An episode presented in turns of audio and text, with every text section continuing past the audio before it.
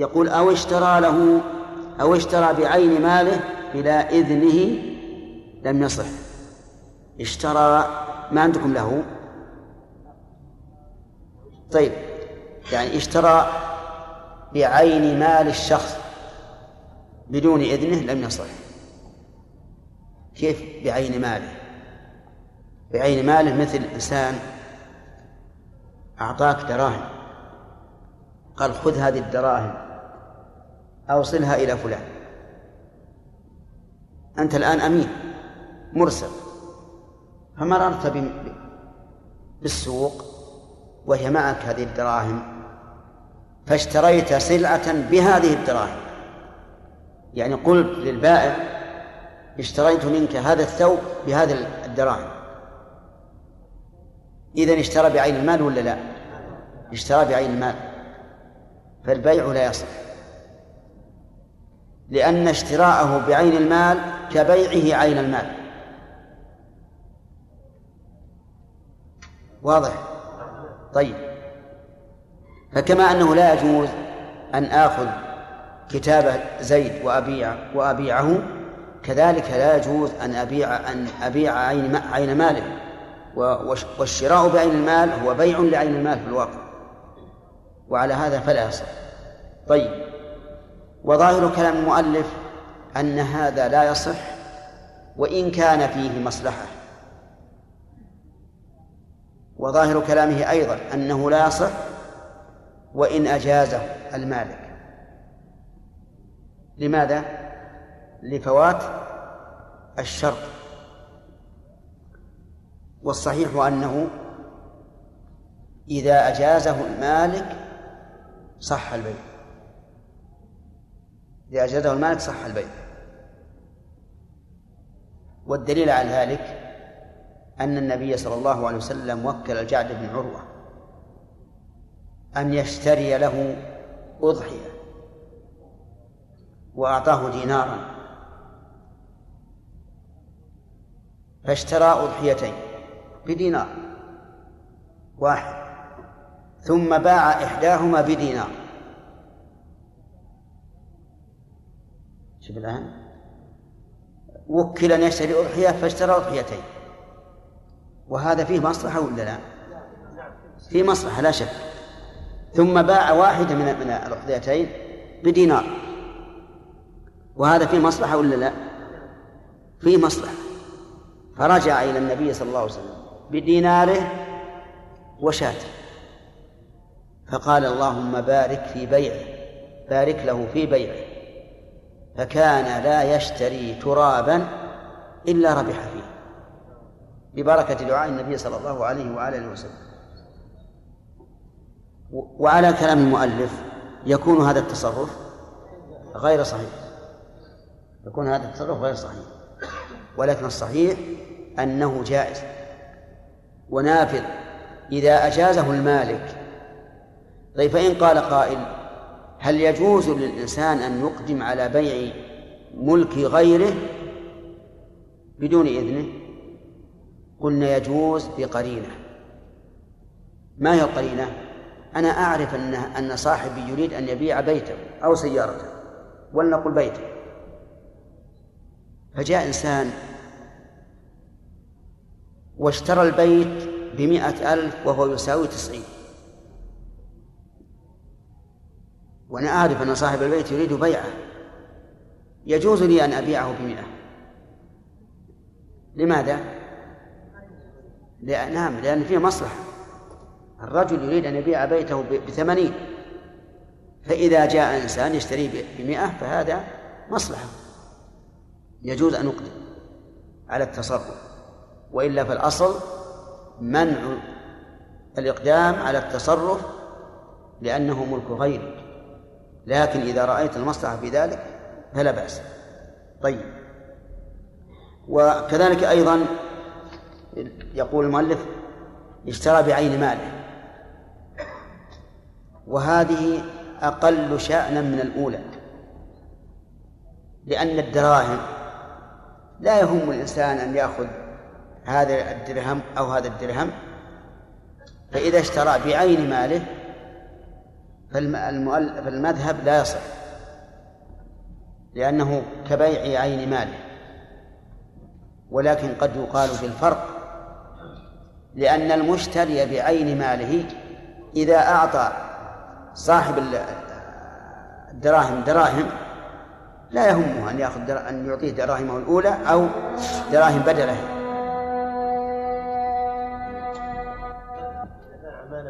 نعم. يملكه أولا ثم نعم. طيب هل يحتاج في ملكه إلى إذن الإبن؟ لا. إذن هو مجرد نية عند الأب في الملك وإلا فلا يتغير شيء. إذا باعه دون التملك فقد باع ملك ابنه. نعم يقصد إنه يعني هل له له أن يعلن ذلك؟ ما هو ما هو شرط. يعني قال اليوم ملكت مال ابني. إذا قال ابنه لماذا تبيع مالي؟ قال لأن لأني رأيت فيه مصلحة لك. لا هين. أصلا المهم مهم هين هذه المسألة. هذه ما تجوز. فنقول لا يصح البيع. إذا قال ابنه لماذا تبيع مالي؟ قال لأني تملكته. تملكته وبعته صار ملكي. اذا عليه ما يطلع الابن على تملك للمال وعلى كل حال إذا حسب نيته. أي. إذا باعه بعد التملك وإن لم وإن لم يعلم الابن بالتملك مو شرط المسألة الأخيرة بيع الثاني. ذكرنا القول الثاني الراجح بارك الله فيك أن كل إنسان يجيز التصرف في ملكه. فالتصرف نافع. لكن ذكرنا أن مسألة الشراء بعين ماله أهون من بيع عين ماله. لا لا اصبر. لأن العين بيع عين المال تتفاوت فيها الأغراض. يعني قد أريد أن هذا العين ولا أريد ولا ولا سواه لكن الدراهم؟ هل تتفاوت تتفاوت الأغراض والرقبات؟ أبدا لا تتفاوت. أقول إنها أهون يعني الشراء بعين المال ينبغي أن يصح قولا واحدا لأنه أهون ولا ضرر فيه. نعم. إيش؟ كان عنده وديعة شخص دراهم واشترى شيء ولكن بدراهم في الذمة. ولكن نوى أن يكون هذا لصاحب الدراهم يبي يجينا نعم. ها؟ اسلم إذا شرع في الركعة الثانية شيخ إنا لله.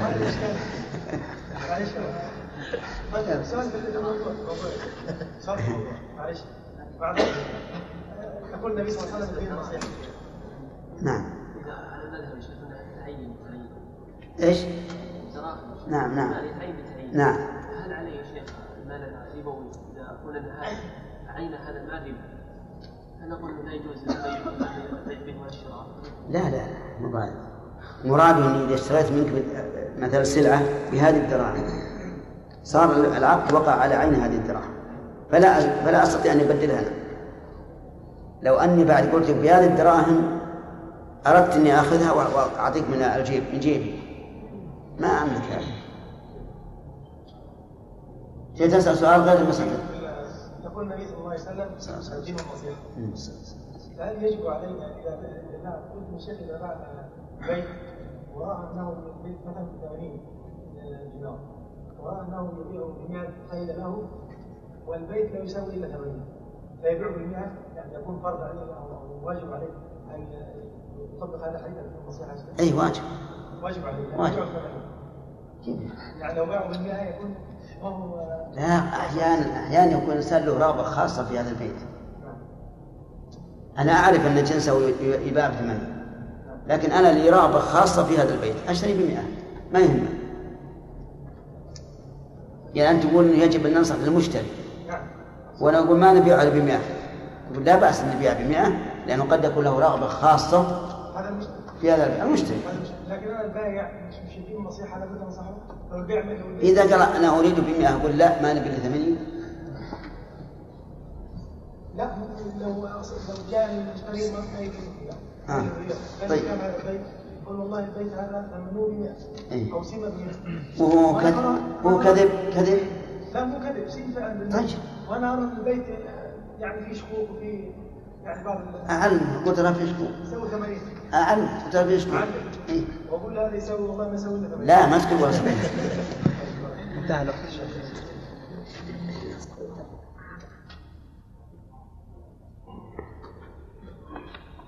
بسم الله الرحمن الرحيم قال رحمه الله تعالى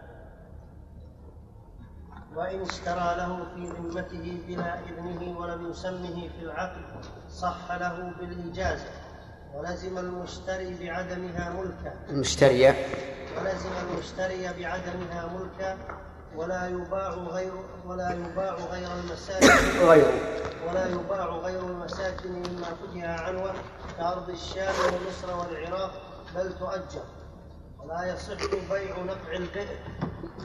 ولا ما ينبت في أرضه من كلأ وشوك ويملكه آخذه بس. عطنا متن.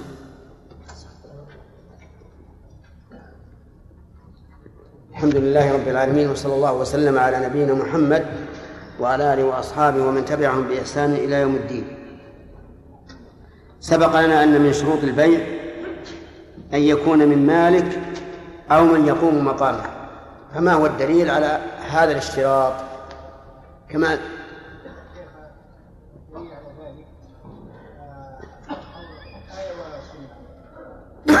نعم. أما الآية آه، قوله تعالى آه، لا تأكلوا أموالكم. ولا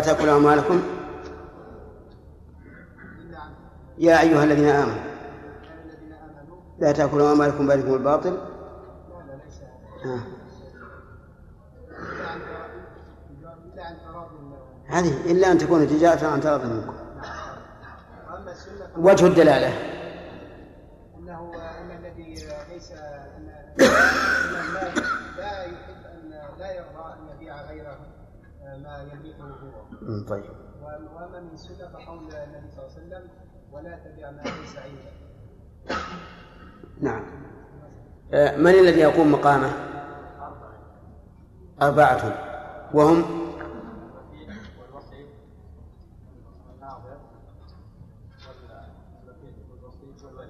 والولي. طيب. من هو الولي؟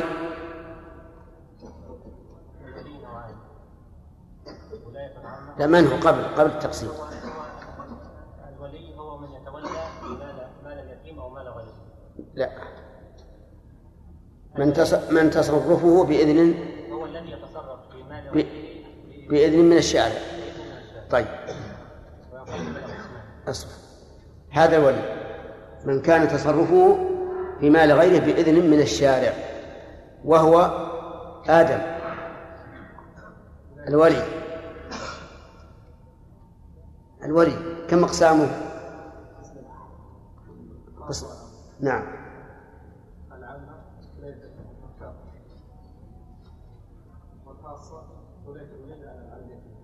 كولي اليتيم كولي اليتيم على مال اليتيم. طيب أحسنت. الوكيل خالد الوكيل هو من يتصرف في مال غيره بإذنه في حياته. بإذن من مالكه؟ في حياته. في حياته. طيب. الوصي محمد؟ الوصي هو من من يتولى مال غيره أو يتولى عن غيره بعد الموت. من يتصرف؟ لغيره بعد الموت. في مال غيره بعد موته. بوص- بوصية من المال طيب. والناظر.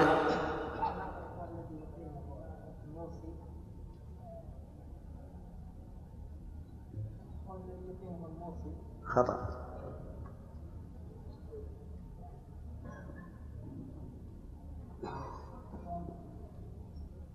الذي يتصرف في الوقف بإذن من الواقف. تمام.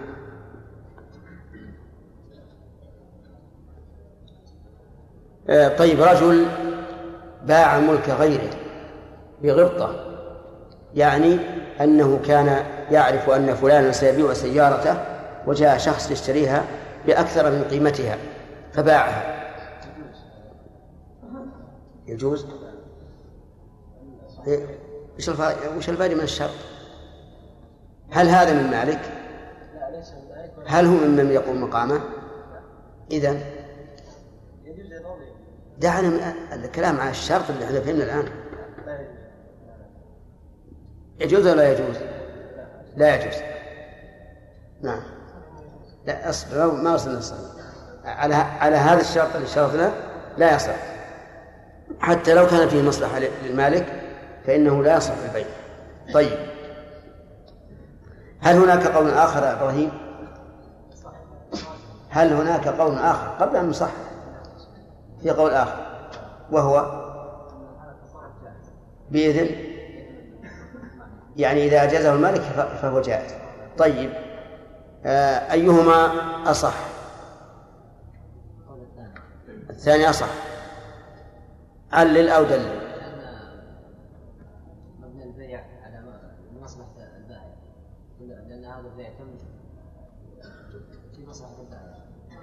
قد لا يكون في مصلحة ولا بد أن يكون مصلحة ما في مصلحة إذا معناها أنت تصحح هذا القول بشرط أن يكون فيه مصلحة للمالك. هو على كل حال يجيز قد يجيز قد يجيز بلا مصلحة لكن يراعي صاحبه يقول ما إحنا؟ نفسد تصرفه. خالد؟ هذا دليل. آه.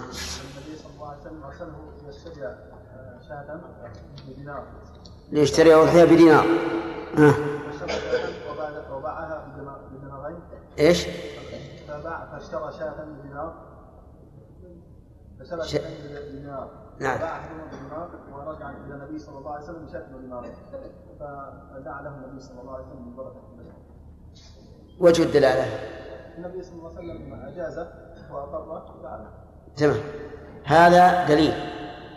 أثري. تعليل. سامح. تعليل التعليل. التعليل. أن هذا البيع في منفعه للبائع وهو يرضى ان يباع فوجد منه إيش؟ أن هذا البيع. فيه منفعه للمالك وهو أصلا كان يريد أن ما في قد لا يكون في منفعة يا أخوان. البائع أصلا أراد بيعه فالاضطرار موجود منه. أن منع التصرف في مال الغير مراعاة لحق لحق الغير. فإذا أذن بذلك نعم، زال زالت العلة. طيب ممكن أيضا أن أن يقال يستدل أيضا بالآية إلا أن تكون التجارة عن تراض منكم فإن عموم قوله عن تراض يشمل الرضا قبل العقد والرضا بعد العقد. نبدأ الآن الجديد أو أنا نسيت أين أين وقفنا أو اشترى بعين ماله بلا أذن للمصلحة شرحناها؟ طيب. إذا اشترى بعين ماله بلا إذنه لم يصح. مثال ذلك. سعيد. اشترى بعين ماله بدون إذنه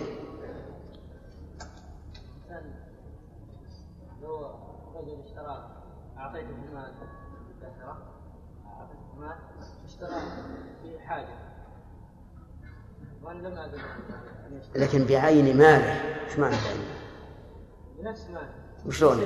آه، صور لي المسألة. رجل أعطيته خمسين. خمسين ريال. وعنده خمس ها؟ وعنده خمسين. وعنده خمسين. نعم وادخر ماله واشترى بماله. ما حاجة إنك تجيبه عنده خمسين. فاشترى بماله. أعطيته خمسين ريال وديعة. نعم. اشترى بها شيئا. اشترى بها شيء بنفس الدراهم. نعم. لكن وش معنى قولي بعين ماله ماله؟ يعني مثلا أنا اشتريت اشتريت هذا الرجل 50 ريال ثم أخذت الخمسين اللي أعطيتها وأعطيتها الرجال. هذه هي؟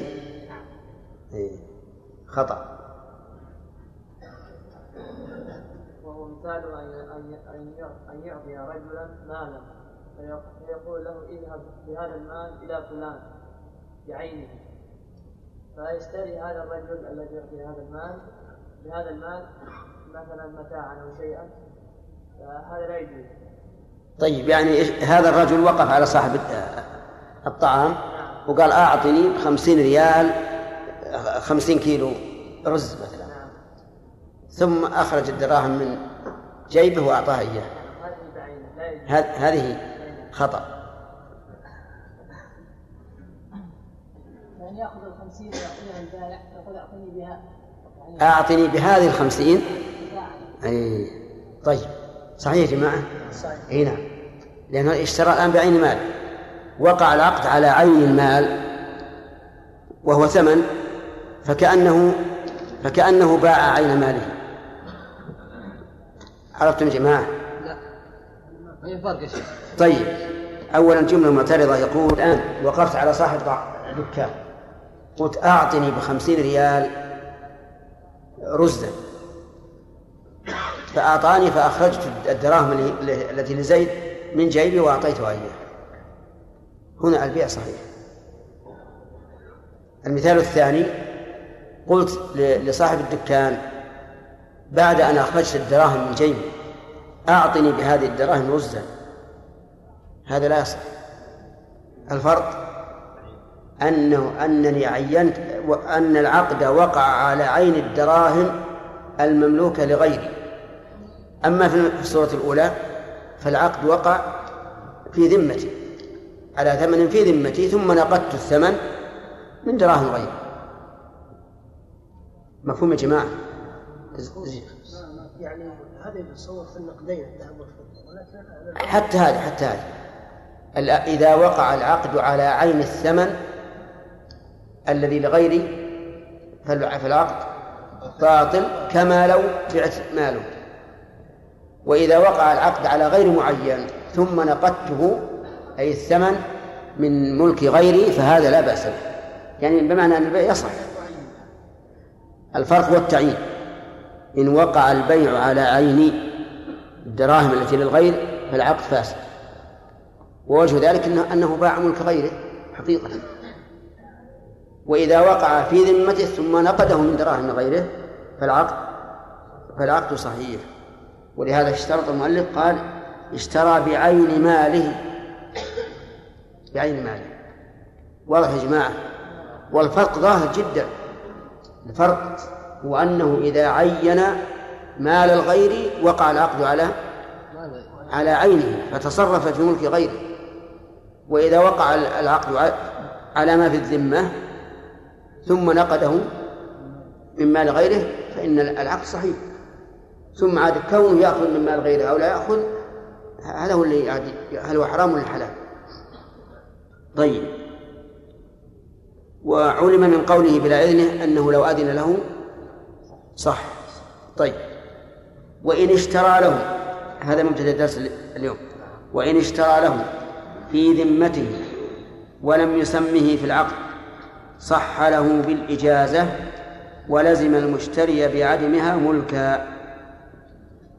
إن اشترى له أي للغير في ذمته يعني لا بعين مال بلا إذنه ولم يسمه في العقد صح له صح للغير بالإجازة ولزم المشتري بعدمها أي بعدم الإجازة ملكا ملكا لمن؟ للمشتري. واضح. طيب. اشترى له في ذمته. اشترى له في ذمته بلا إذن. يعني أنا أعلم أن صورة المسألة. أعلم أن فلانا يريد أن يشتري ساعة.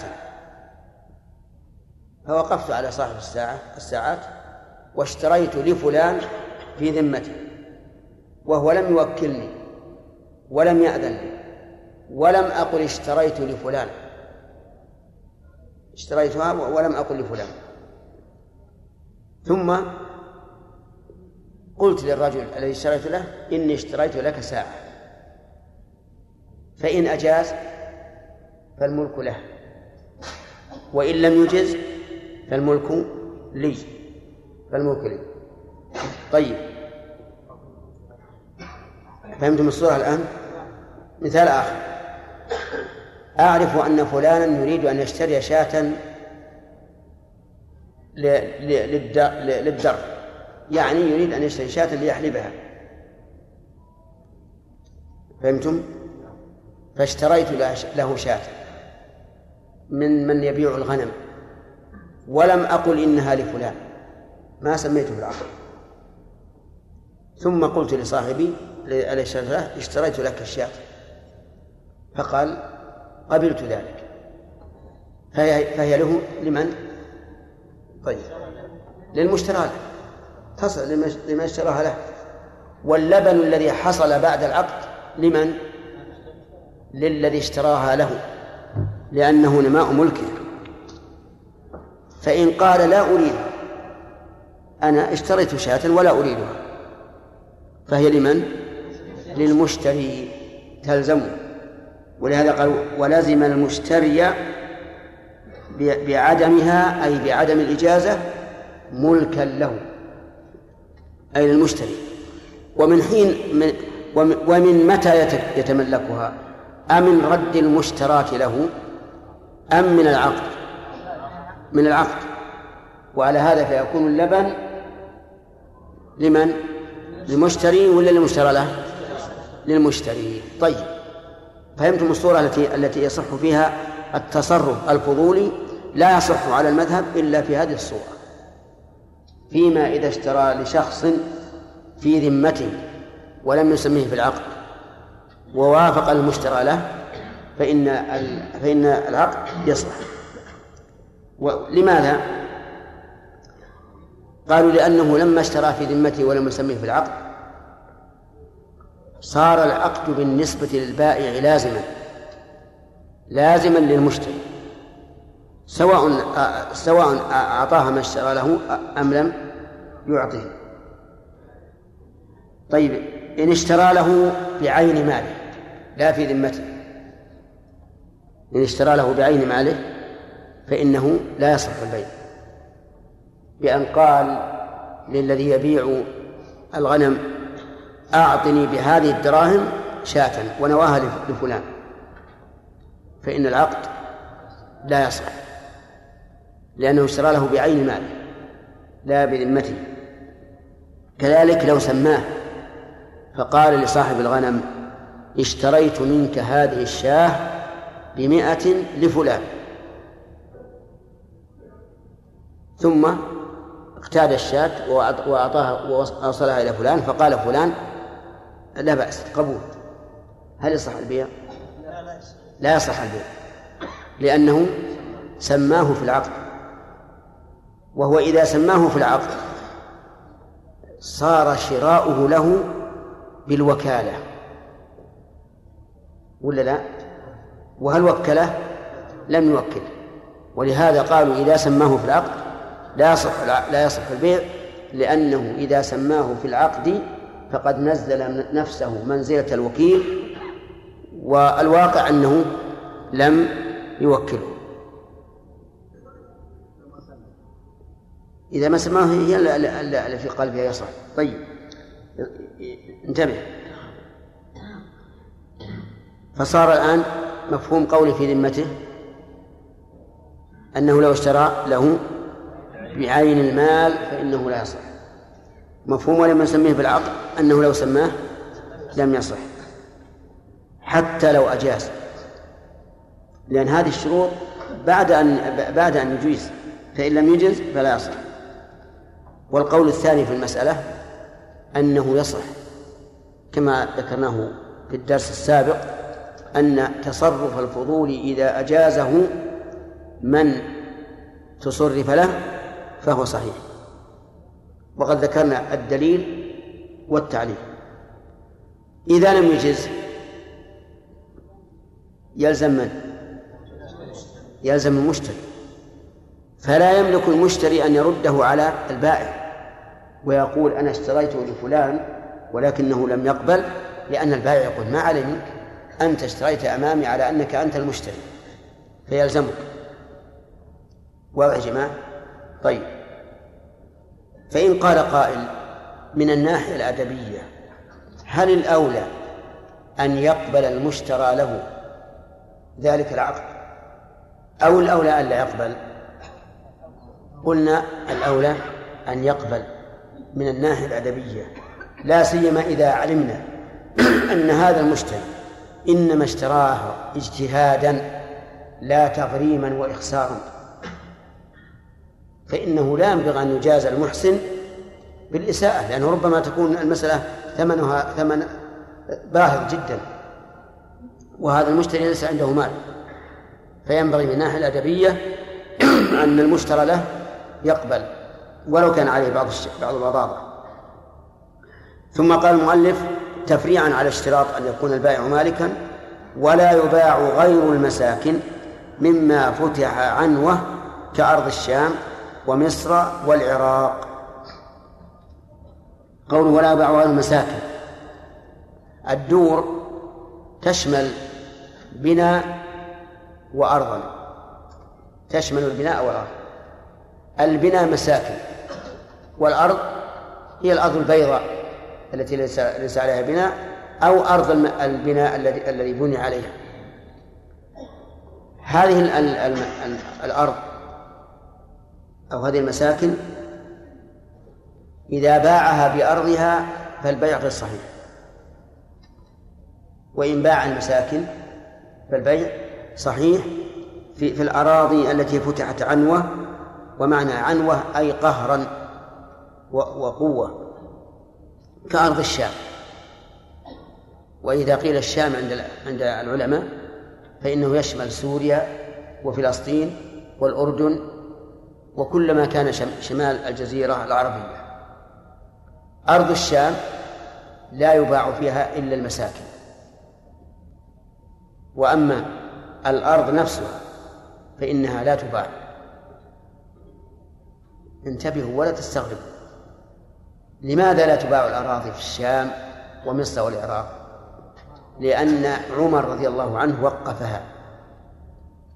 والبيع والوقف لا يباع عمر رضي الله عنه لما فتح هذه الأمصار رأى أن قسمها بين الغانمين يحرم الأجيال المستقبلة من أجيال المسلمين. فقال أنا أوقفها وأضرب عليها خراجا يعني كالأجرة يؤخذ من منها كل سنة. فكان رضي الله عنه هذا رأيه وصارت وقتا. والوقف لا يجوز بيعه. وهذا الذي مشى عليه المؤلف سنقرر إن شاء الله. المهم أن فهمنا الآن مصر والشام والعراق لا تباع فيها الأراضي وإنما تباع فيها المساكن فقط. لماذا؟ لأن المساكن ملك للساكن هو الذي أقام البناء وبناه حتى استقام فله ثمن هذا البناء الذي أقامه فيصح العقد عليه. أما الأرض فلا. طيب. هذا الذي نعم قال بل تؤجر.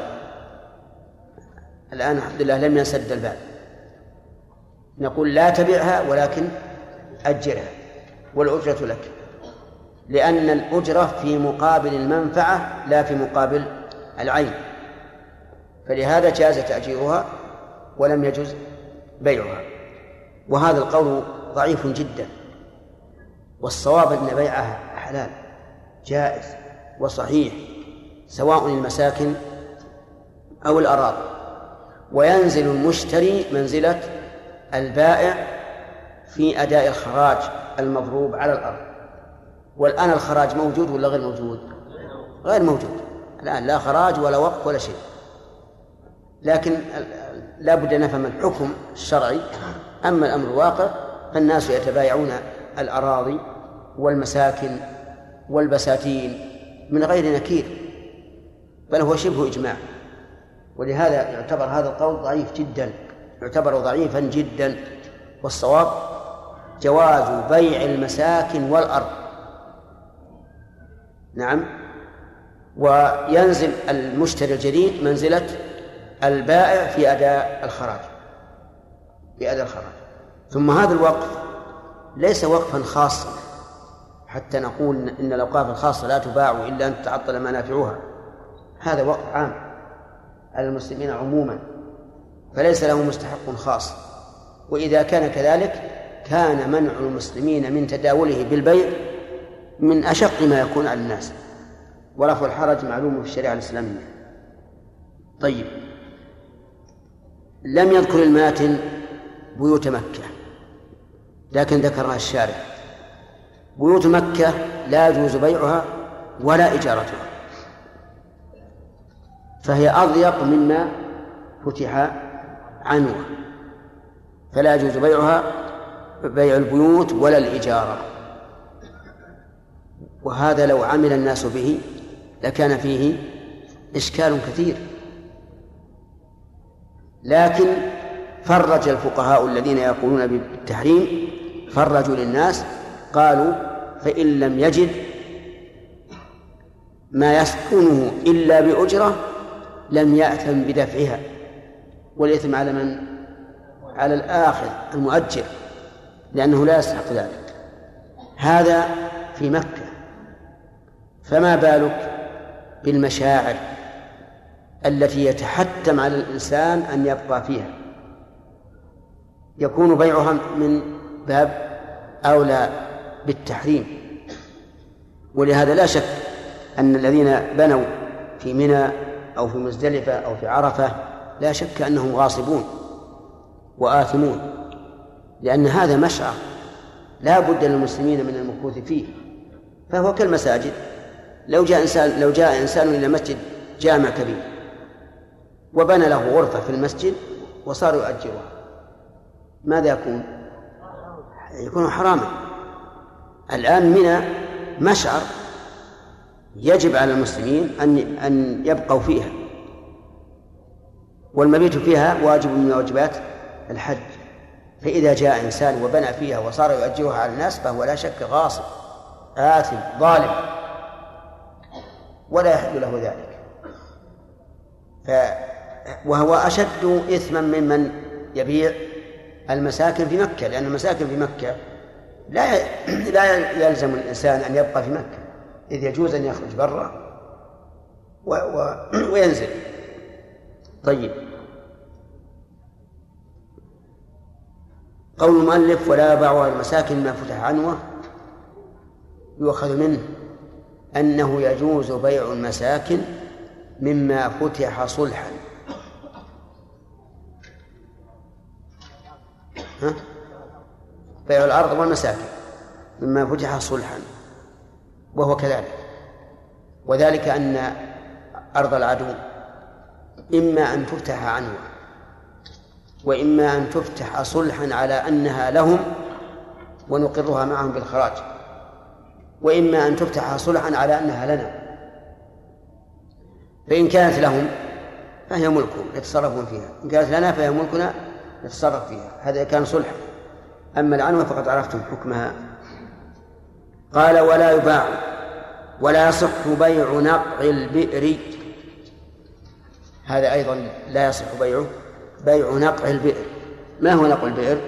هو الماء الذي في البئر الذي نبع من الأرض. فلا يجوز بيع هذا الماء. لماذا؟ لقول النبي صلى الله عليه وعلى آله وسلم الناس شركاء في ثلاث الماء والكلى والنار. ولأن هذا الماء لم يخرج بقدرة الإنسان بل بقدرة الله عز وجل. قد يحفر الإنسان بئرا عميقا ولا يخرج الماء فليس من كده ولا فعله هو سبب. فلذلك لا يملكه وإذا كان لا يملكه فإنه لا يصح بيعه. عرفتم؟ طيب. أما إذا ملكه وحازه وأخرجه ووضعه في البركة فإنه يجوز بيعه. لأنه صار ملكا له بالحيازة. طيب في المسألة الأولى إذا قلنا لا يصح بيع ناقع البيع لو جاء إنسان وركب على بئر ما يستخرج به الماء فهل لي أن أمنعه؟ نقول إذا لم يكن علي في ذلك ضرر فليس لي أن أمنعه. وإن كان علي ضرر فإن لي أن أمنعه. الضرر مثل أن أتضرر بكونه يتخطى ملكي إلى البير أو بكونه يطلع على عورات النساء أو بكونه يقلل الماء علي.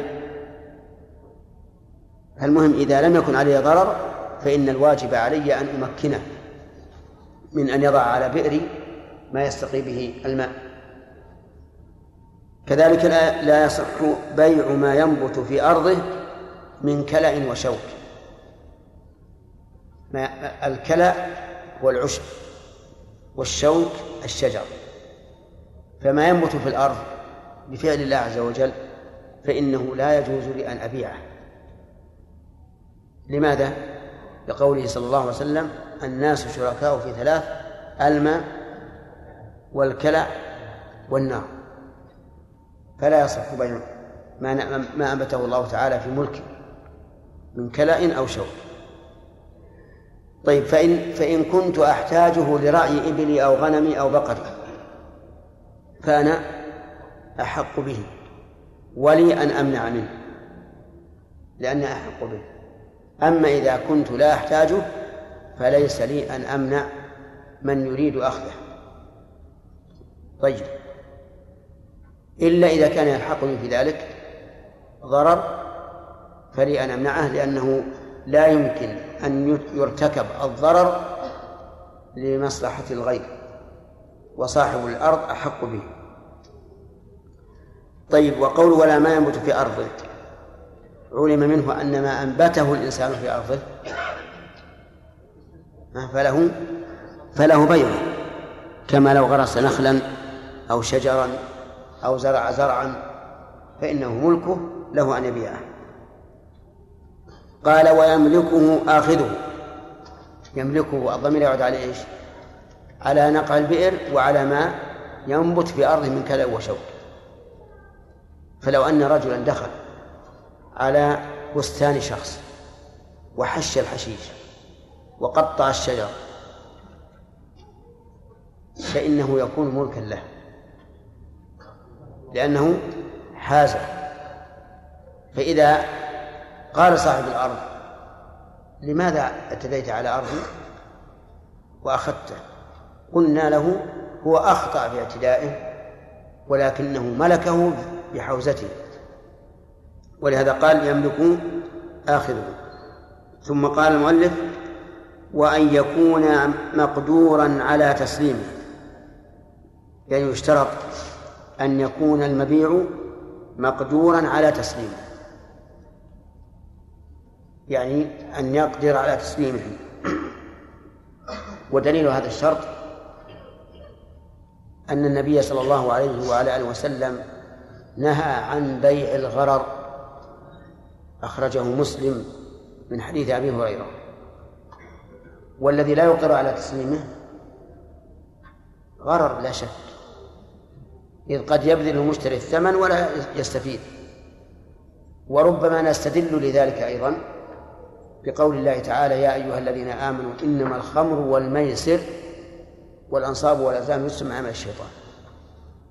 والذي لا يقدر على التسليم بيعه من الميسر. ووجه ذلك أن بيع ما لا يقدر على تسليمه سيكون بأقل من ثمنه الحقيقي. صح ولا لا؟ بيع ما لا يقدر على تسليمه سيكون أقل من ثمنه الحقيقي لأن المشتري مخاطر. قد يحصل عليه وقد لا يحصل. فإذا قدر أن هذا الذي لا يقدر على تسليمه يساوي مئة لو كان مقدورا على تسليمه. فسيباع إذا كان لا يقدر على تسليمه بكم؟ بخمسين. يبقى المشتري الآن إما غانم وإما غارم. إن قدر عليه فهو غانم وإن فاته فهو غارم وهذه هي قاعدة الميسر. إذا لنا أن نستدل على اشتراط هذا الشرط بدليل من القرآن والسنة. من القرآن لدخوله في في الميسر ومن السنة لأن النبي صلى الله عليه وعلى آله وسلم نهى عن بيع الغرر ونستدل أيضا عليه بالنظر بالنظر الصحيح وهو أن المسلمين يجب أن يكونوا قلبا واحدا متآلفين متحابين. وهذا البيع يوجب إيش؟ البغضاء والتنافر. وذلك أن المشتري لو حصل عليه لكان في قلب البائع إيش؟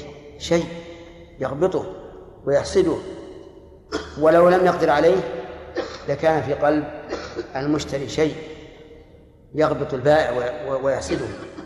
وكل ما أدى إلى البغضاء والعداوة فإن الشرع يمنعه منعا باتا.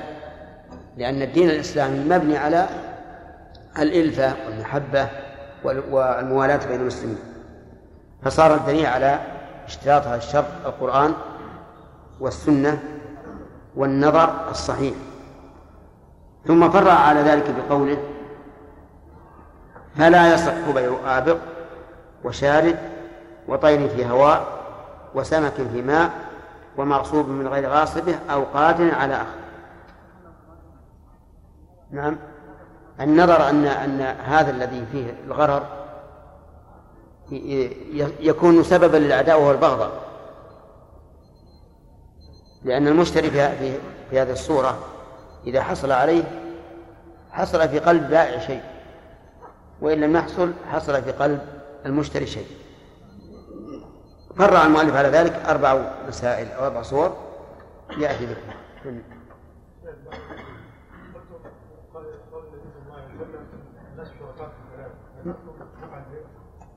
الماء الماء.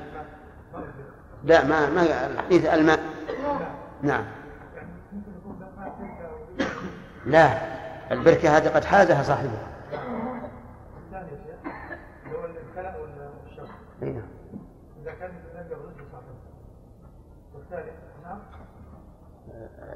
الماء والكلأ والنار. آه النار. النار الناس فيها شركاء. قيل المراد به الحطب. الحطب الذي في البر. لأنه وقود النار. وقيل المراد بها النار نفسها وهذا الصحيح. ويعني ذلك أنني لو كنت أوقدت نارا لأطبخ عليها فجاء إنسان يريد أن أن يطبخ عليها أيضا يحمي قدره عليها أو أن يأخذ منها قبسا فليس لي أن أمنعه. الناس شركاء في ثلاث فهمت؟ أو جاء إنسان يتدفى بالشتاء. فليس لي أن أن أمنعه. نعم. الأراضي الموقوفة الآن إيش؟ الأراضي فيا شيخ يخرج كل سنة خراج قد يقال هذا قد يقال إنه ينبغي للإنسان ان يخرج الخراج لأنه إذا كانت الولاة قد غفلوا عن هذا الشيء فأديه أنت. واجعل ما تخرجه للمسلمين لمصالح المسلمين. يعني مثلا آه، مساجد طرق وما أشبه ذلك. شيخ قررنا أن الأوقات لا يجوز بيعها نعم.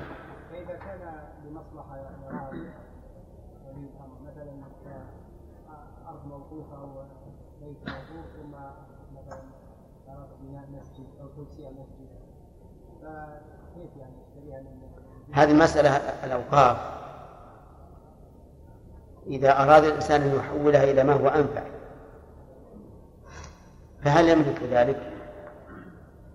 فيه خلاف بين العلماء منهم من يقول لا يملك ذلك. إلا إذا تعطلت منافع الوقف فيباع ويشترى بدله فهمت؟ ومنهم من قال يجوز أن يغير لما هو أنفع وهذا هو الصحيح. واستدلوا لذلك بحديث الرجل الذي جاء إلى النبي عليه الصلاة والسلام عام الفتح وقال إني نذرت إن فتح الله عليك مكة أن أصلي ركعتين في بيت المقدس. قال صل هنا. والوفاء بالنذر أوكد من تنفيذ الوقت. فإذا جاز العدول عن المفضول إلى الفاضل في النذر فالوقت من باب أولى. نعم. لو قال قائل كل الآن ما يحدث هو ما بين بيع وبين ما بين ونحن أردنا أن ونستطيع أن لا نعطيه المقابل إيه أنه والله مسألة إنك تستأجر ولا تعطيه. هذا ما ما نفتي به. وإن كان لا يستحق لكن نعم لكن هذا يفتح باب شر. ثم إنك عقدت معه. عقدا. فالأحرى بك أن توفي خلى الإثم عليه. خلى هذا من جملة نفقات الحج ويكون الإثم عليه. مثل ما يفعل الناس بالأول في الخفارة. تعرفون الخفارة؟ لا. الخفارة كان في الأول هناك قطاع طرق. قطاع طرق في الأسفار. فيأتي ال- الأعرابي من هذه القبيلة التي يمر تمر بها الجادة ويقول أنا أكفيكم قوم لكن أعطونا فلوس. فيعطونه فلوس. فإذا هجم قومه على هذه القافلة قال دونكم معها فلان بن فلان الذي منهم. فإذا قال هكذا خلاص قل. هذه يستعملونها الناس فيما سبق يعني إلى عهد قريب. ما يمشي أحد مثلا من من القصيم إلى مكة إلا يأخذ معه ثلاثة أو أربعة حسب القبائل التي يمر بها. الحمد لله لا نسأل الله يديم الأمن.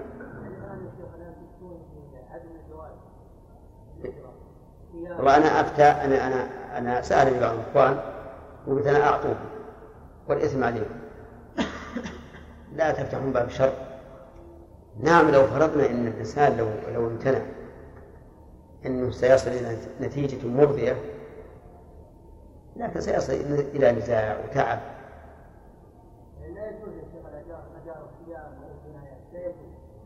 لا يجوز للمؤجر. لا يجوز. أما الخيار فيجوز أن أن يؤجرها لأنه ملكه وليست بناء لأن البناء يثبت. وهو يقول أجر الخير. نعم. إيش؟ الدليل من القرآن والسنة.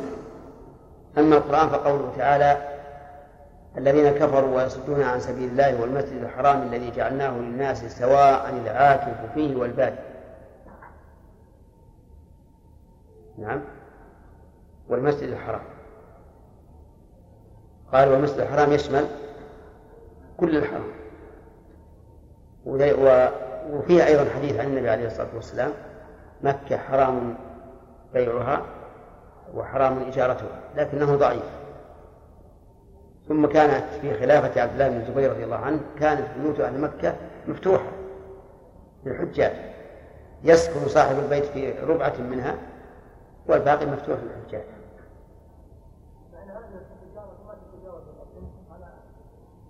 نعم.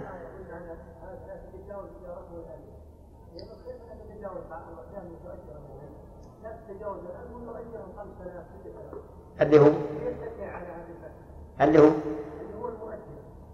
يعني مؤجر الخيام. ويقول أنا أؤجر خيار والخير أصلا المسجد هو 1000 ريال وإذا أجرهم 5000 صحيح. صحيح هم يتضربون في الناس. لكن أرى أن أنه يعطون و- وال- والإثم عليهم ونسلم من المشاكل. نعم. الآية إيش؟ استدلنا من هذه الآية الذين يجعلون الحرم المسجد الحرام فقط يدخلون البيع مثلا خارج المسجد الحرام الذين يقولون ان الحرم عند الكعبة فقط وليس خارج إيه ما في شيء لكن لكن ال- الذين استدلوا بهذا يقول المسجد الحرام كل الحرام شيء نعم. بمناسبة ذكر اشتراك الناس في الماء والنار في الطرقات الآن بعض الناس إذا استأجر محلا من المحلات وضع لوحة أمام المحل فقال الموقف خاص بالمحل. يرجى عدم الوقوف مثل هذا يجوز لهم هذا هذا هو أحق هو أحق بما يقابل الدكان نعم. كل مستأجر أحق. هي حق ما ما في والعمل عليها لكن أحيانا يبقى فاضي المحل. إذا بقي فاضي فاضي وصاحب مغلق للدكان صار معلومة. هذا لا فاتر فاتح دكان والمحل المكان فاضي. هل يجوز لي أن أوقف المحل؟ نعم لكن لو قال لك إذ- اذهب أنا أحتاجه فاذهب. بشرط أنه يحتاجه. أما إذا كان يحتاج وش هي؟ ها؟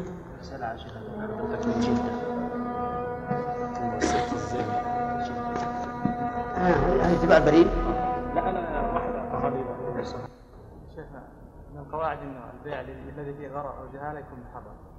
إيش معنى هذا وبعض كيف تعرف إن هذا البيع فيه غرر أو جهالة؟ يعني ما تعرف. يعني هذه صورة من الصور مثلا إن هذه فيها غرر. بيع ثاني ما ما أعرف. بيجينا ان شاء الله الصورة الأربعة اللي ذكر المؤلف بيجينا.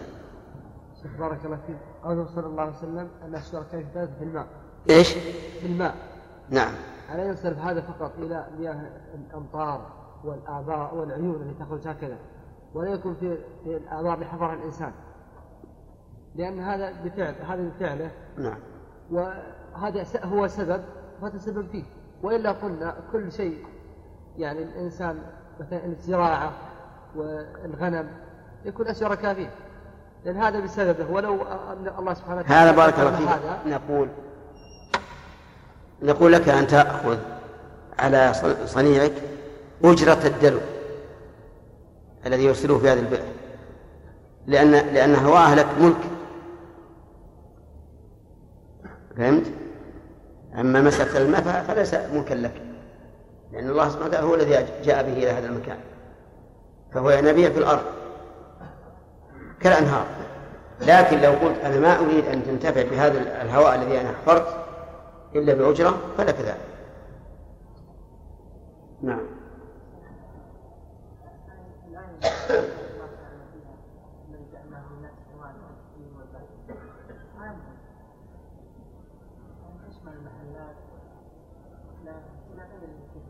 نحن نرى أن المراد بالمسجد الحرام هنا مسجد المسجد الذي يصلى فيه مسجد الكعبة. فإذا قال قائل وجميع المساجد كذلك؟ قلنا نعم لكن لا مانع أن يذكر هذا ينص عليه. تأكيدا. عن الشام الشام والعراق هل هذا التنفيذ؟ إي نعم. فلا فالحكم هذا إن رأى الإمام. أن يوقف أن يوقفها كما فعل وإلا وأما إذا إذا قسمها بين غنم فهي ملكه سليم؟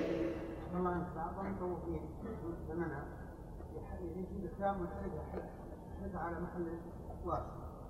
الطاولة لا الإنسان والحمى عنها يقول هذا ما ولكن مثل الناس مضطرين. لهم يجوز انهم ينزلون في وسط إي نعم نعم ما في شك. لهم أن ينزلوا من داخل. لكن إذا كان في شبك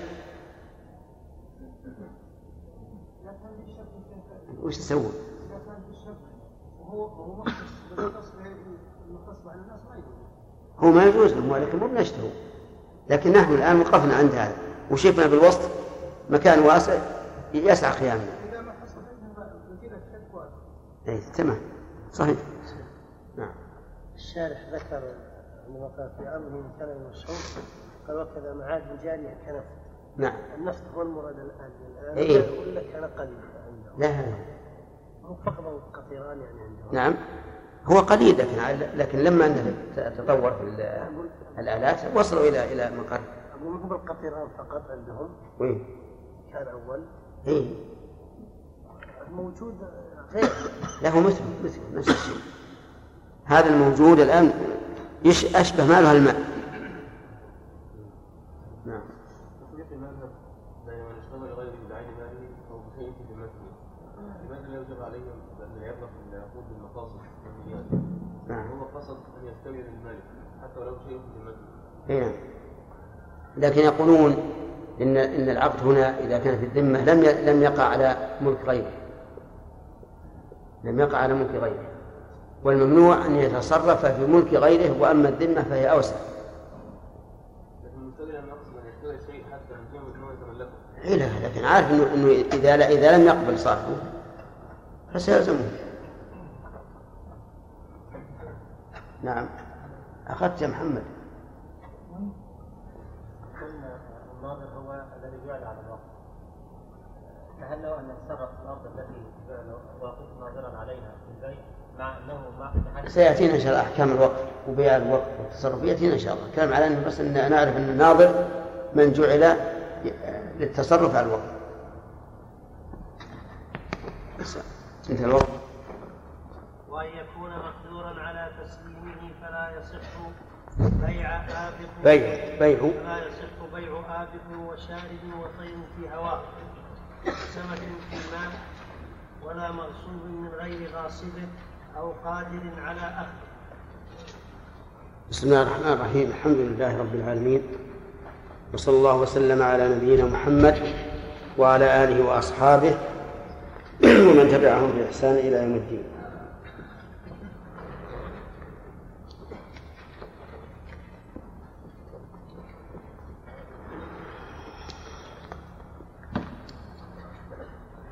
ما تقول في رجل عنده أرض زراعية في الشام هل يجوز أن يبيعها أو لا؟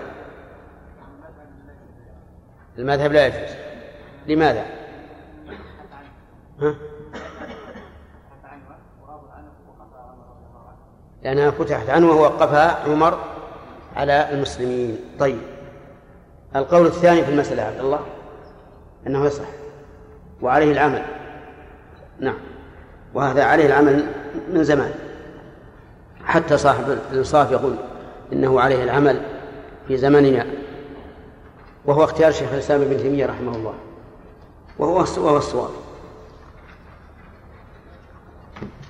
آه، رجل عنده بيت في مكة. هل يجوز بيعه أو لا؟ نعم. لا يجوز بيعه. إذا ماذا يصنع به؟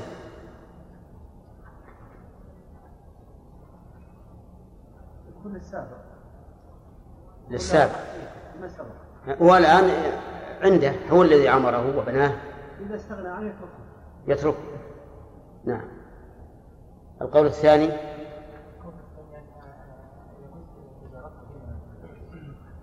يجوز إجارتها دون بيعها عبد الله.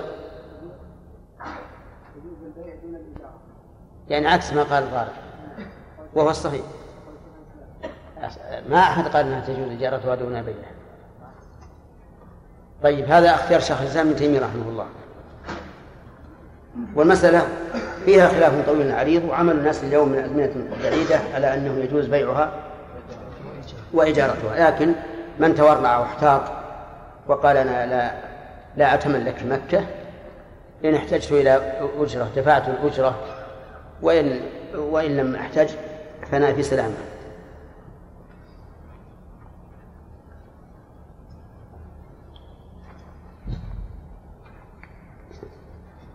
طيب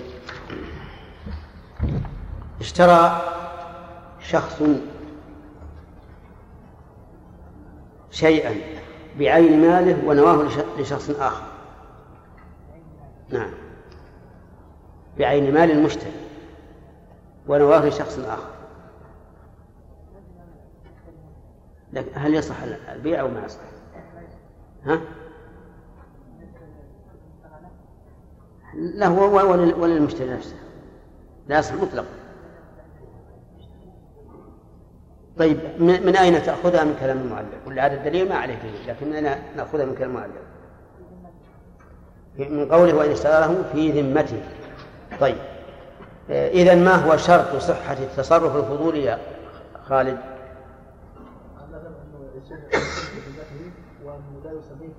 أن يشتريه في ذمته وأن لا يسميه. في العقد لا. هذا الجاز شرط الصحة. يعني معناه أنه لا يكون التصرف الفضولي المجاز إلا بشرطين أن يشتري له في ذمته وأن لا يسميه في العقد ما هو القول الراجح في هذه المسألة؟ القول الراجح أنه إذا اشترى له ولو ولو سمى وإذا اشترى له في ذمته اشترى أو باع. أو باع. أي أنه متى تصرف له في ذمته أو بعين ماله أو بأي شيء وأجازه فهو صحيح. طيب ما هو دليل هذا القول الصحيح؟ عبيد الله؟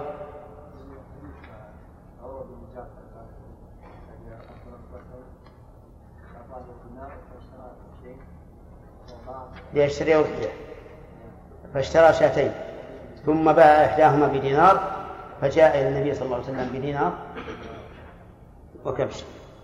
فدعا له بالبركة في بيعه فكان لا يبيع شيئا إلا ربح فيه حتى التراب. طيب. إذا لم إذا لم يجز خادم زين إذا لم يجز من اشتري له فهل يبطل البيع أم ماذا؟ يكون لمن هو له سؤال هل يبطل البيع أو لا؟ قيل يبطل. قيل يبطل. وقيل يكون لمن اشترى. وقيل؟ لا أبدا. قيل لمن اشترى يكون المشتري لا إيه. يشترى له. وقيل يبطل. من قال بالبطلان؟ ما لعله ما قيل. إيش تقولون يا جماعة؟ فيها قول؟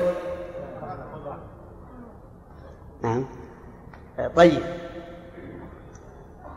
إذا نقول إذا رده من اشتري له فإنه يلزم المشتري ملكا طيب إذا قبله من اشتري له فهل يثبت البيع من القبول يعني من الإجازة أم ماذا؟ لا لمن الملك قبل ذلك؟ من القبول لمن الملك قبل ذلك؟ لمن الملك قبل ذلك؟ للمشتري. نعم. يكون البيع من العقد يكون ثبوت الملك من العقد وما بين القبول والعقد موقوف على على إجازة على الإجازة. إن أجيز فهو لمن اشتري له وإن لم يجز فهو للمشتري. صح. ثم قال المؤلف رحمه الله تعالى الشرط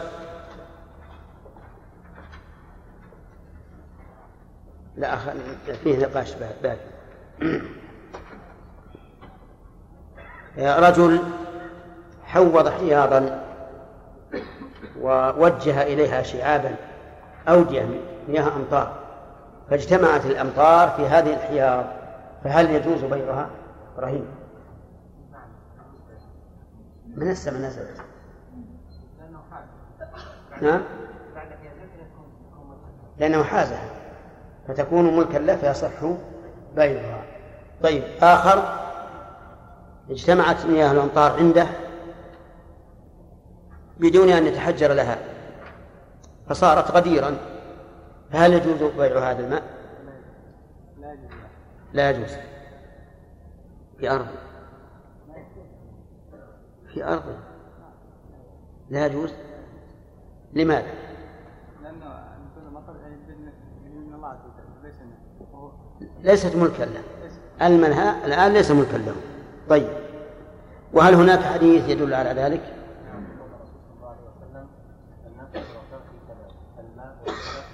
نعم طيب ما نبت في أرضه من الحشيش والأشجار هل يجوز بيعه؟ ليش؟ إيه؟ يعني إذا حصل مثلا قبل حصده لا يجوز أي ما. فاهم السؤال الآن؟ ما نبت في أرضه من الزرع والشجر هل يجوز بيعه؟ لا يجوز سليم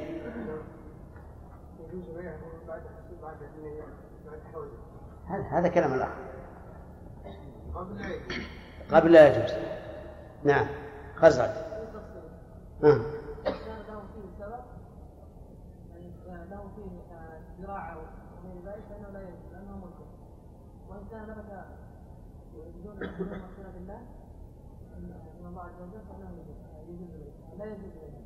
هكذا يا سليم. نعم ما هو ضرر؟ ما في ضرر ولا شيء. صار إذا أنبته هو فهو ملك. ويجوز بيعه ولو لكن عاد الزروع لا بد أن تشتد كما سيأتي إن اسمع يا رجال. اسمع الله يهديك. قل ما عرفت كل ما يعرف ويعرف بعدين. والثاني إذا كان من عند الله ليس له فيه سبب فإنه لا يجوز لأن الناس شركاء فيه. واضح؟ وقال بعض العلماء إنه إن استنبته إن استنبته فهو له. يملكه. وإلا فلا. وهذا اختيار شيخ الإسلام ابن تيمية. ومعنى استنباته أن يحرث الأرض حتى تكون قابلة للنبات إذا نزل المطر. هذه واحدة. أو أن يدع الأرض لا يحدثها ترقبا لما ينبت عليها من الكلأ والحشيش. لأنه الآن باختياره أن يحدث الأرض ولا تنبت إلا ما زرعه هو.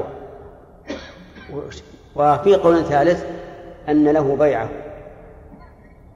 وأن قوله الناس شركاء في ثلاث في غير في غير الأرض المملوكة. أما الأرض المملوكة فإنها ما فإن ما نبت عليها يتبعها فيكون ملكا. فالأقوال إذن ثلاثة.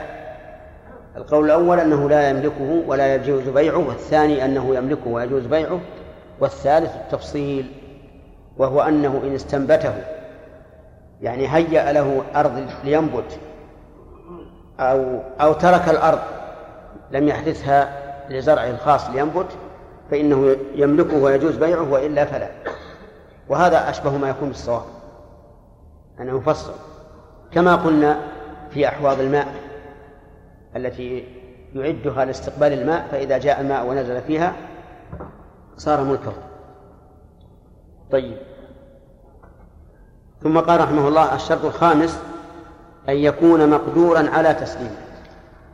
أن يكون مقدورا على تسليمه. الضمير في قوله يكون يعود على المعقود عليه سواء كان الثمن أم المثل أن يكون مقدورا على تسليمه أي أن يكون كل من المتعاقدين قادرا على تسلم أو تسليم ما انتقل من ملكه أو إلى ملكه. ودليل هذا قوله تعالى إلا أن ولا تأكلوا أموالكم بينكم الباطل إلا يا أيها الذين آمنوا لا تأكلوا أموالكم بينكم بالباطل إلا أن تكون تجارة عن تراض منكم. ووجه الدلالة أن ما يعجز عن تسليمه لا يرضى به الإنسان غالبا ولا يقدم عليه إلا رجل مخاطر. قد يحصل له ذلك وقد لا يحصل. ومن السنة أن النبي صلى الله عليه وعلى آله وسلم نهى عن بيع الغرض وهذا غرض. وجه كونه غررا أن المعجوز عن تسليمه لا بد أن تنقص قيمته. وحينئذ إن تمكن المشتري من تسلمه صار غانما وإن لم يتمكن صار غارما وهذا هو الغرر ومن المعنى يعني التعليل أن هذا يؤدي إلى الخلاف والنزاع والعداوة والبغضاء والحيل. فكان من الحكمة أن يسد هذا الباب. ضد المقدور عليه هو المعجوز عنه. وفرع المؤلف على ذلك قوله فلا يصح بيع آبق وشارد الآبق هو العبد الهارب من سيده والشارد هو الجمل الشارد من صاحبه. فبيع الآبق لا يصح.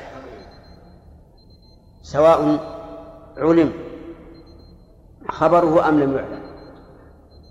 لأنه غير مقنوع على تسليمه البائع لا يستطيع أن يسلمه للمشتري.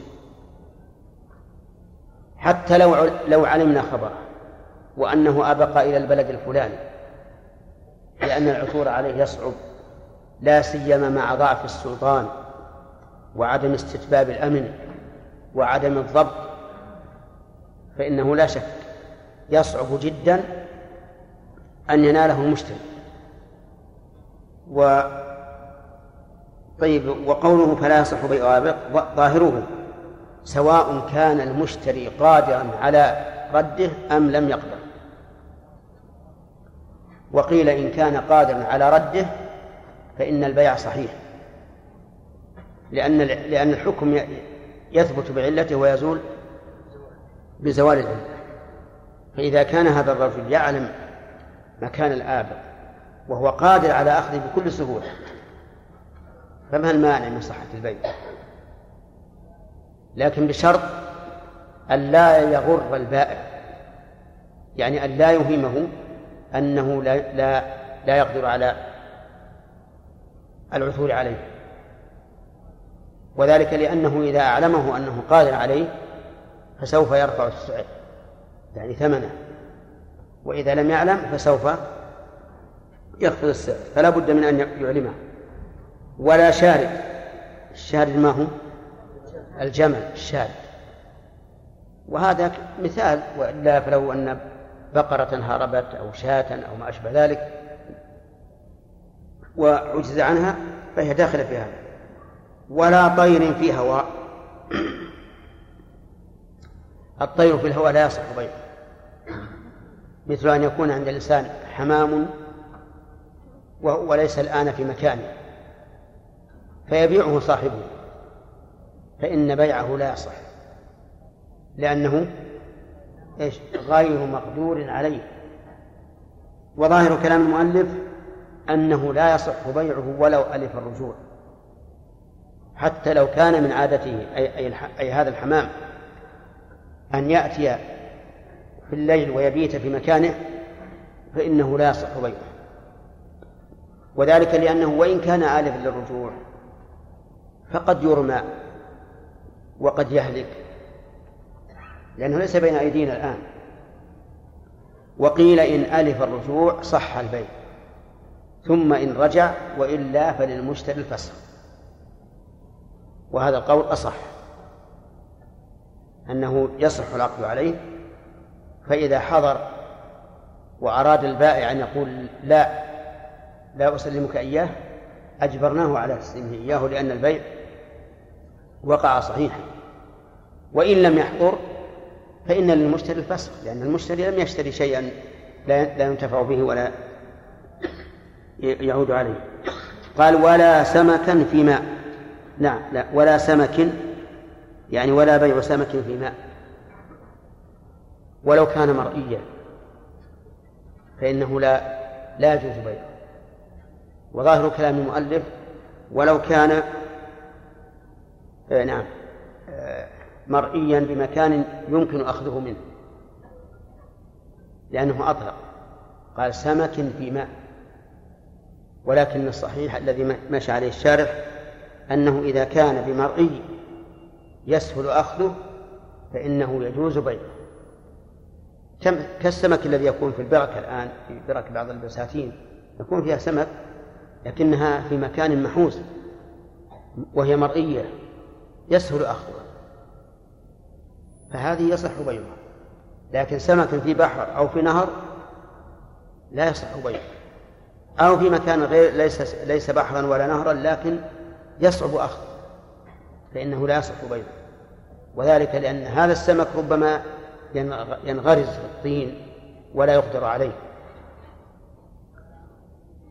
ولا نعم ولا مغصوب من غير غاصبه أو قادر على أخذه. لا يصح بيع مغصوب من الغاصب أو من من المالك. من المالك. يعني لو أن مالك المغصوب باعه على طرف ثالث. فإنه لا يصح. إلا أن المؤلف قال من غير غاصبه أو قادر على أخذه. فإن كان من غاصبه بأن قال المالك للغاصب اشتري مني ما غصبتني فاشتراه. فهذا صحيح. لأن العلة وهي عد القدرة على التسليم أي أعني علة الصحة موجودة. إذ أن هذا المغصوب عنده. فيصح البيع. لكن بشرط أن لا يمنعه إياه بدون البيع. فإن منعه إياه إلا بالبيع فالبيع غير صحيح لأنه بغير رضا ومن شرط البيع الرضا. يعني بأن قال غاصب أنا لا أرده عليه وأريد أن تبيعه عليه فالمالك باعه عليه اضطرارا لأنه يقول كما قال العامة العوض ولا القطيعة. يعني آخذ العوض ولا روح مالي وعوض مالي. فإذا قال الغاصب أنا لا أعطيك إياه ولكن أريد أن تبيعه علي أعطيك الثمن. وباعه علي فإن البيع لا يصح. طيب فإن بذل غاصب ثمنا أكثر من قيمته أضعاف مضاعفة. وباعه المالك عليه. فهل يصح؟ أو لا؟ لا يصح. لا يصح. ما دام لم يرضى. حتى لو أعطي أضعافا مضاعفة. لأن المالك ربما لا يرضى أن يبيعه على الغاصب ولو أعطاه أضعاف أضعاف قيمته. لأنه يريد أن يتشفى منه. هو يعرف المالك أنه لو أخذ هذه القيمة اشترى عشرة من جنس ما أخذ منه.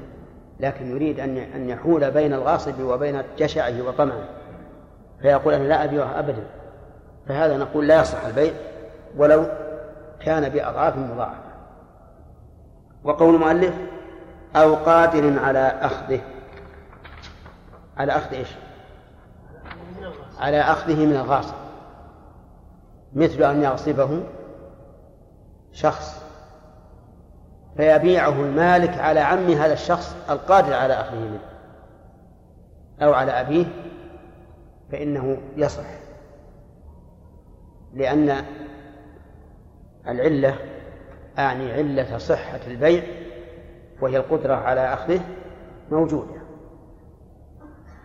طيب فإن كان المشتري اشتراه بناء على أنه قادر على أخذه ولكنه عجز فيما بعد فله فله الفسخ لأنه تعذر الحصول على مقصوده. إذن هذا الشرط مأخوذ من القرآن والسنة والاعتبار. من القرآن يا عبد الرحمن؟ يا أيها الذين آمنوا لا تأكلوا أموالكم إلا أن تكون وجه الدلالة.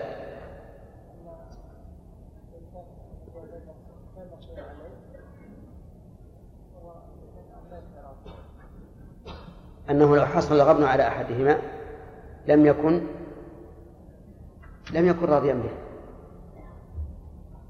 ومن السنة. نعم. هذا نعم.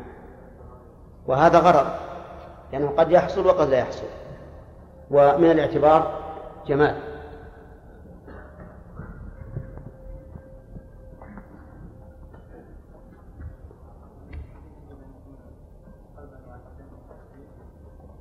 أنها سبب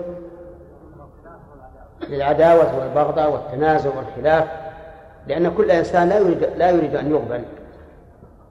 طيب. مثل يا ثالث أنت تسأل ولا نسأل؟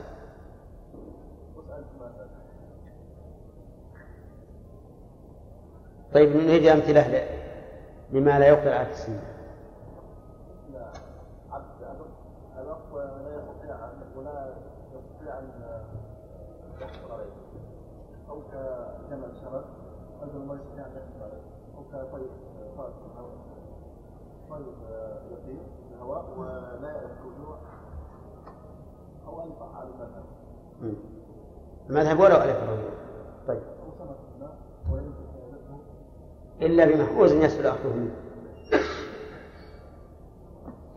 نعم.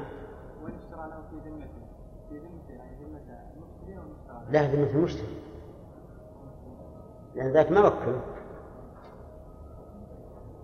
نعم زكي.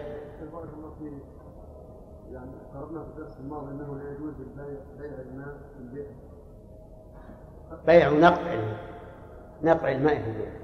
نقع في. لكن لو لو آه، أنفق رجل على بئر مثلا 100000 أو 200000 فخرج الماء أشكل علينا يا شيخ هل يجوز لا؟ المذهب ما يجوز التكلفه هذه ها؟ التكلفه هذه كلها التي دفعها كيف؟ التكلفه هذه التي دفعها كلها جعلته أحق به من غيره لكن ما يجوز على المذهب مسألة فيها خلاف. بارك على عين ترجيح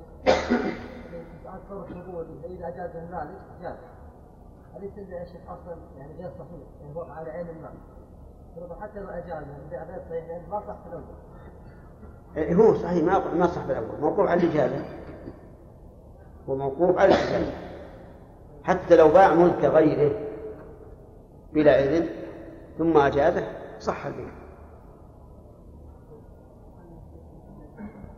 ها؟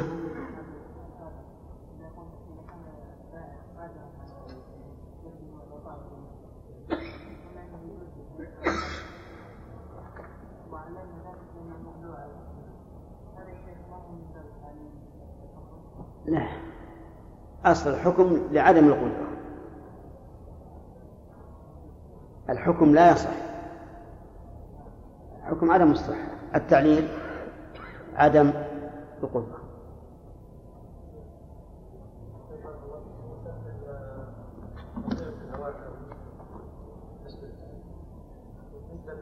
لو باعوا لم يرجع الحمام إلى حاضره يعني يجوز بيعه فاذا باعوا الرجل وطار منه طار منه بعد القبض ولا ولا لا؟ إيه؟ يكون على على على نصيب المشتري بعد ما قبض.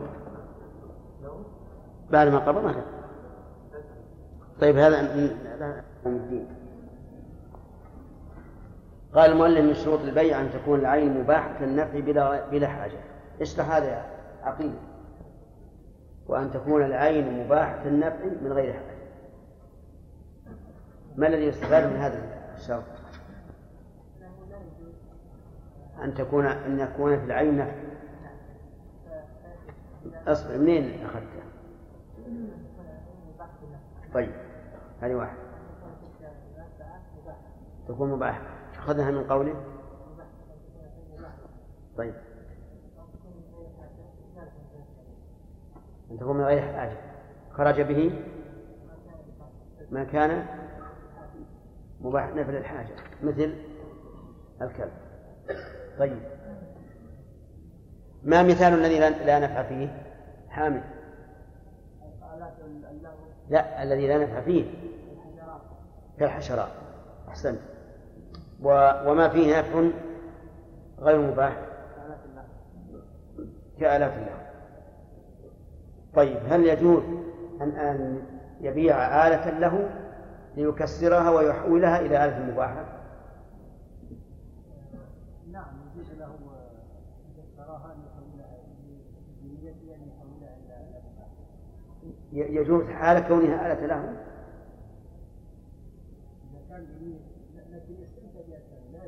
لا يجوز. لأنه قد قد يحولها وقد لا يحولها. فنقول للبائع حولها ثم بيعها طيب. آه،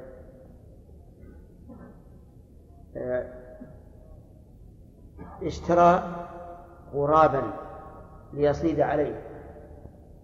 خالد. هنا. اشترى غرابا ليصيد عليه. نعم. لا يصعد به. من أين تأخذ من كلام المؤلف؟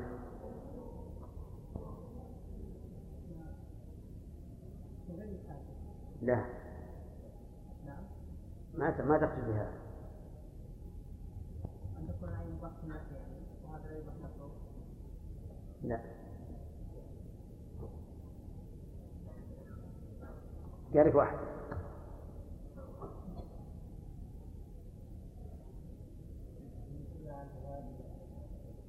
من قوله التي تصلح للصيد. والغراب لا يصلح للصيد. طيب. لماذا خرج الكلب من هذا مع أنه يصطاد عليه؟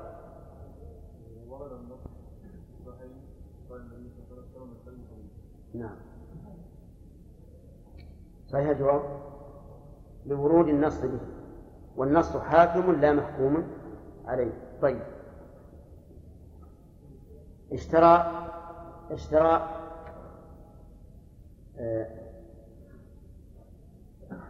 فيلا